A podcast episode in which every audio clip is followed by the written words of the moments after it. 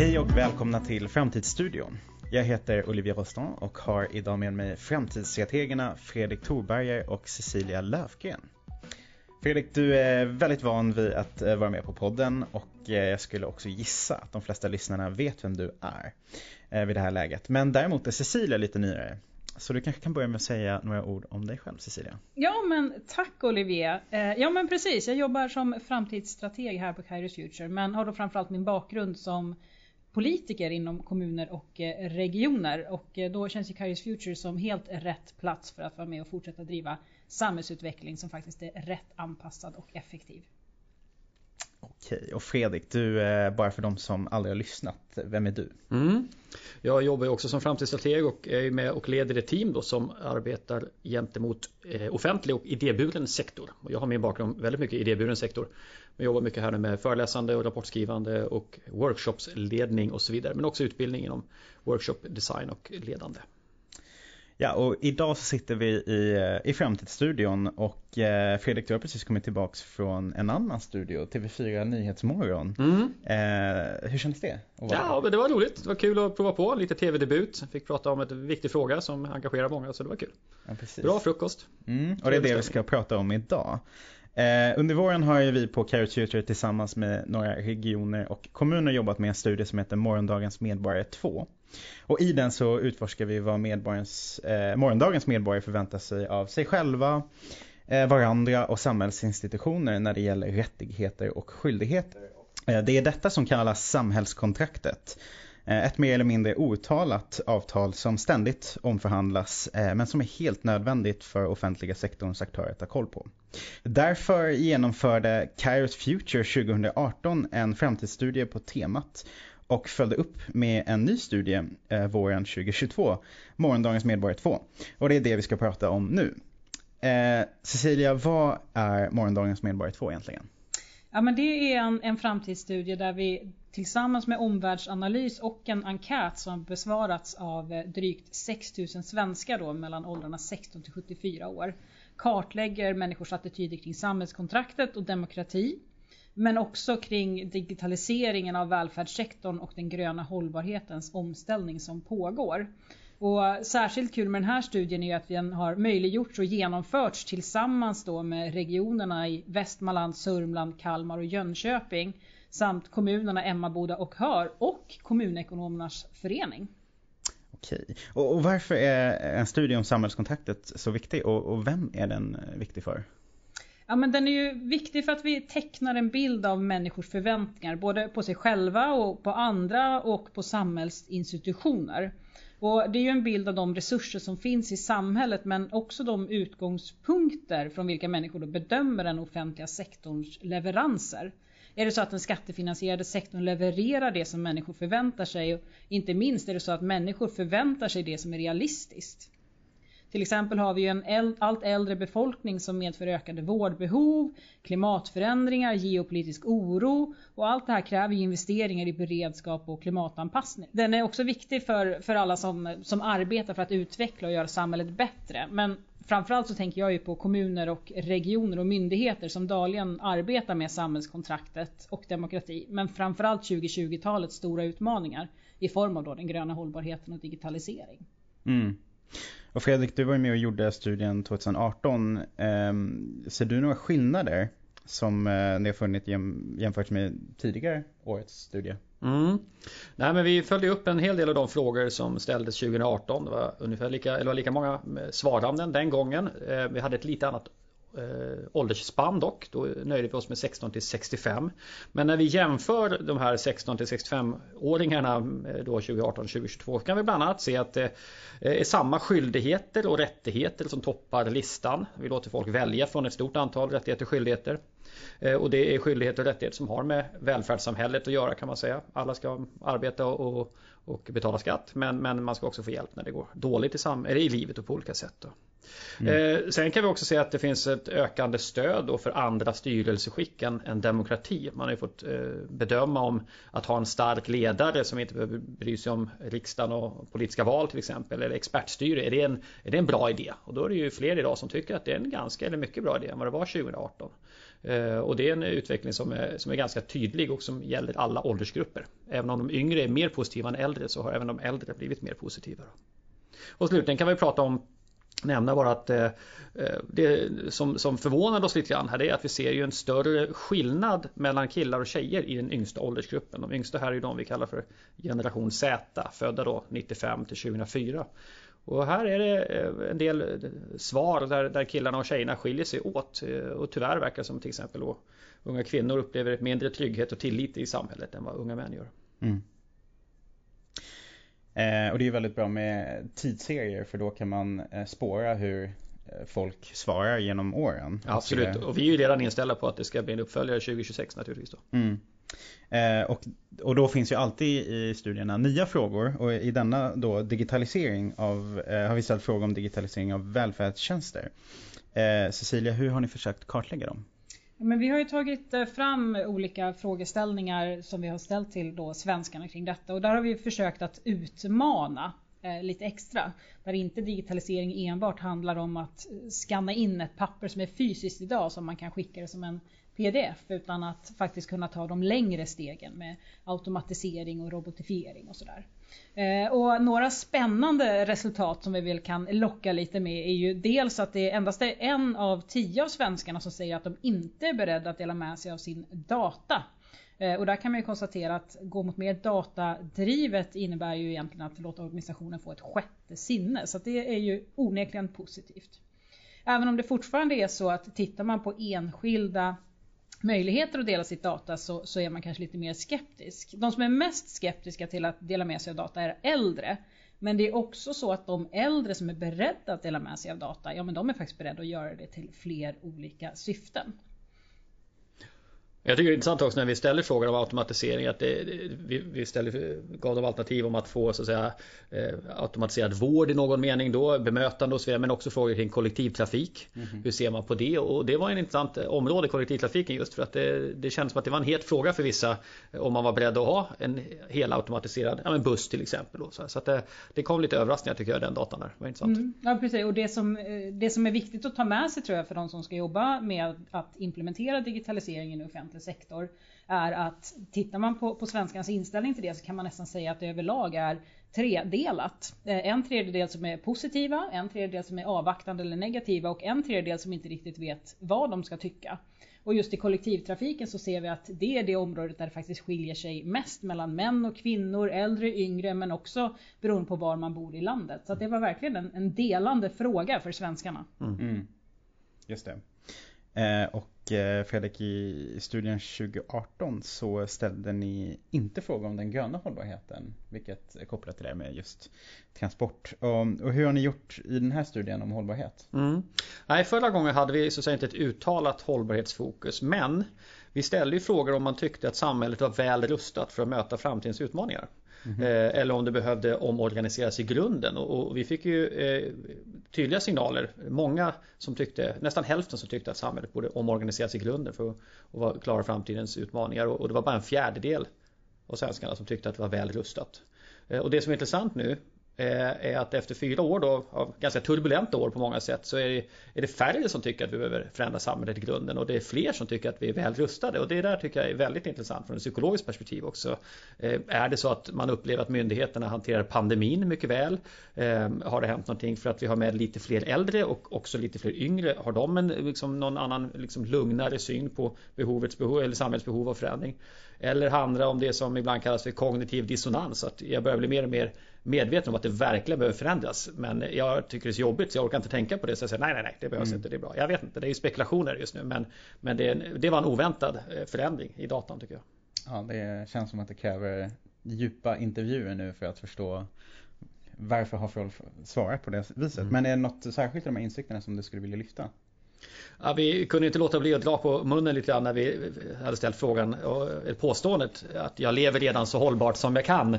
Och då är det ju eh, fyra av tio som svarar jakande i någon mån på det. Det är inte så att de är tvärsäkra utan det är liksom en, en skala där. Men fyra av tio svarar ändå så här, ja i princip så lever jag så hållbart jag kan. Då. Och de som verkligen sticker ut det är ju då baby boomers födda 45 till 64. Eh, de som idag skulle kunna kallas, inte de äldsta äldre, men, men liksom de lite äldre generationerna. Framförallt äldre generationer i den här studien. Då.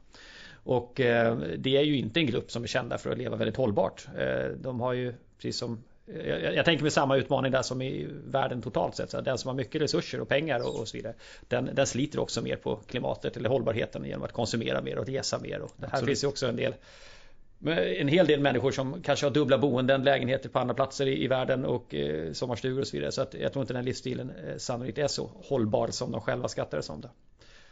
Här kan man ju också fundera kring just hur man ser på det här med att, att uh, leva bättre för klimatet. Vi ställde ju också frågan om vad man är beredd att, eller vad som är största hindren.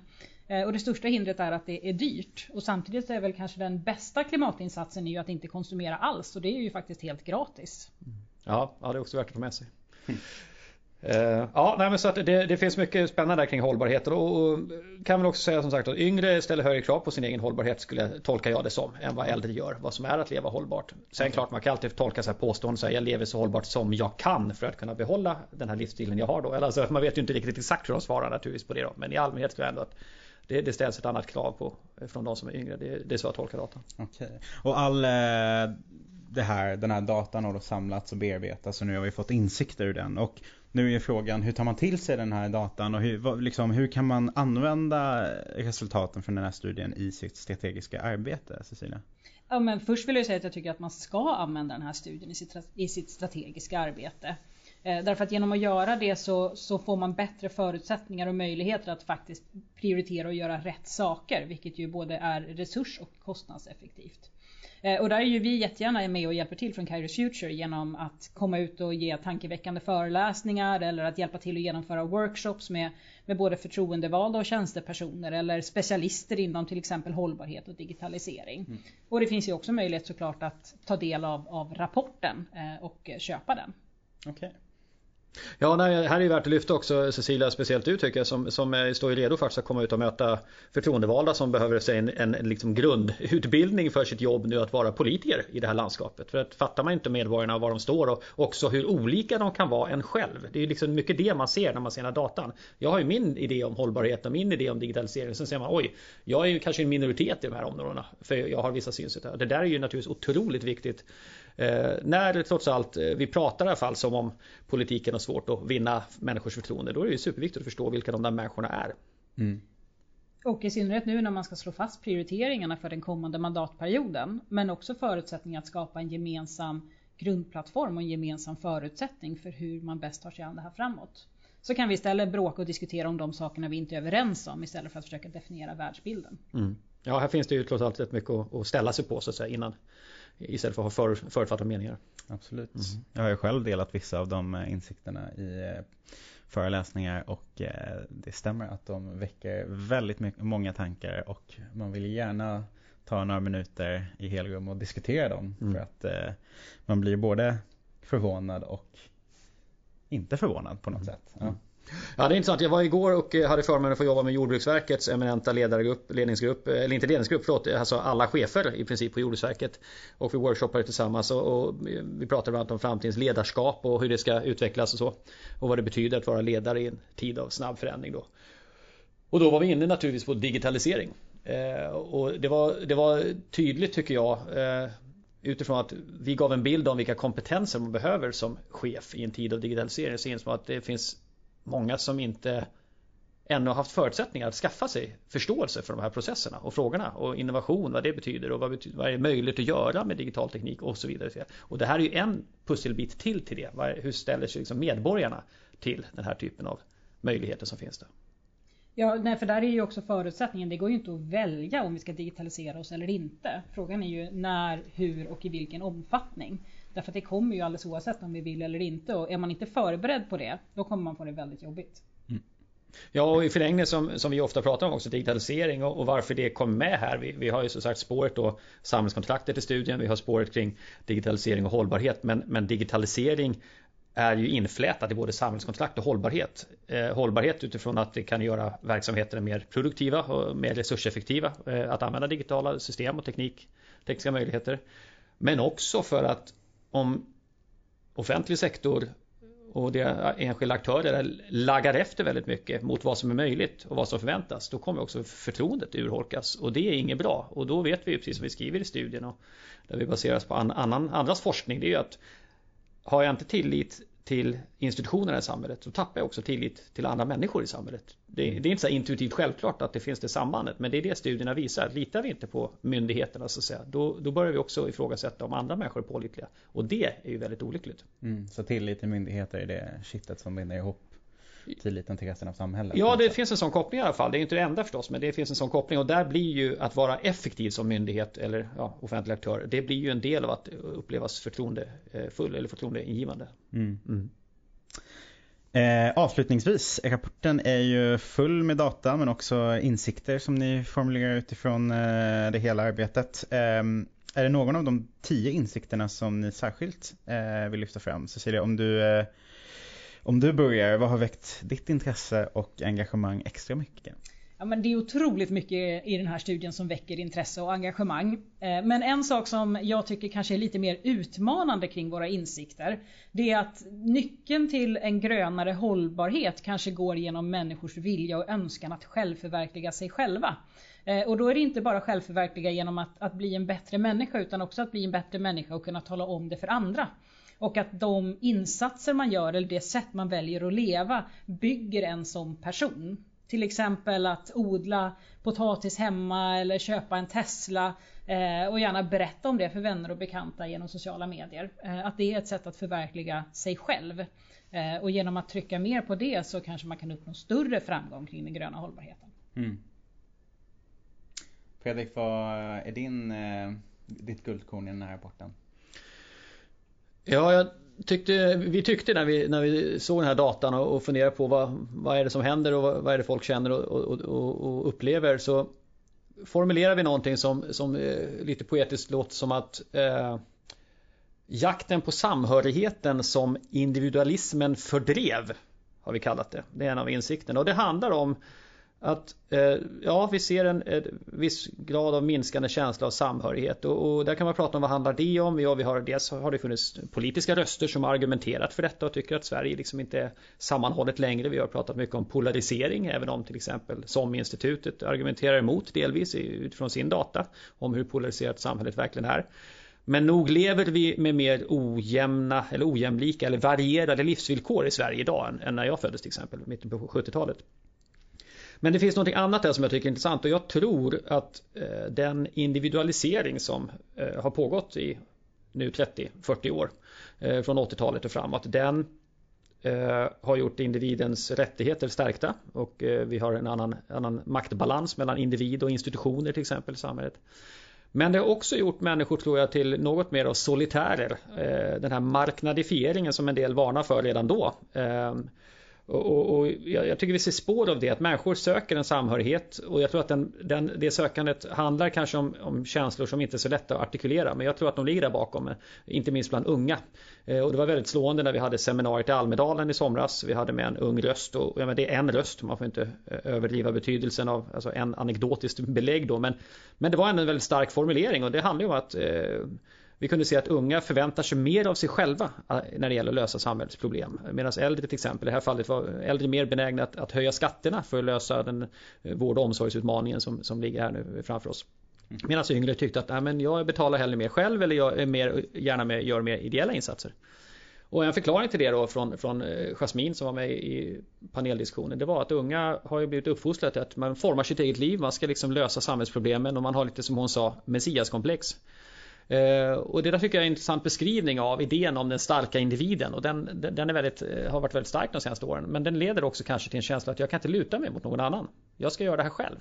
Eh, det är så jag tolkar bilderna jag får och, och min bild och det kan man eh, kan man gärna ha en diskussion om men jag tycker det är intressant, jag tror det är viktigt att förstå det. För det kan ge uttryck sen att man istället kanaliserar det i riktning mot att vi har för mycket människor som inte ser ut som jag i landet eller, eller andra typer av uttryck som men där det i grund och botten kanske handlar om känsla av att jag vet inte om kollektivet finns där för mig längre. Eller om jag står helt kall, alltså helt ensam i den här eh, världen. Då. Och det, det är verkligen en, en viktig utveckling att följa.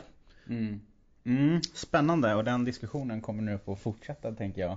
Med tanke på eh, allt intresse runt den här studien. Eh, tack för det. Eh, det finns mer info på, om eh, Morgondagens Medborgare 2 på vår hemsida, carosfuture.com. Eh, missa inte filmen från seminariet i Almedalen där ni får höra bland annat Jasmine då som, eh, som uttrycker sig om det här och tre andra panelister. Eh, bland annat Digitaliseringsmyndighetens eh, generaldirektör. Och det finns på Youtube helt enkelt, så det kan man ju gå och titta på fritt. Eh, ja, och då var det slut för idag. Tack ska ni ha för att ni var med i Framtidsstudion. Alltid lika kul. Tack. Ja, vi ses i nästa avsnitt. Hej då. Hej.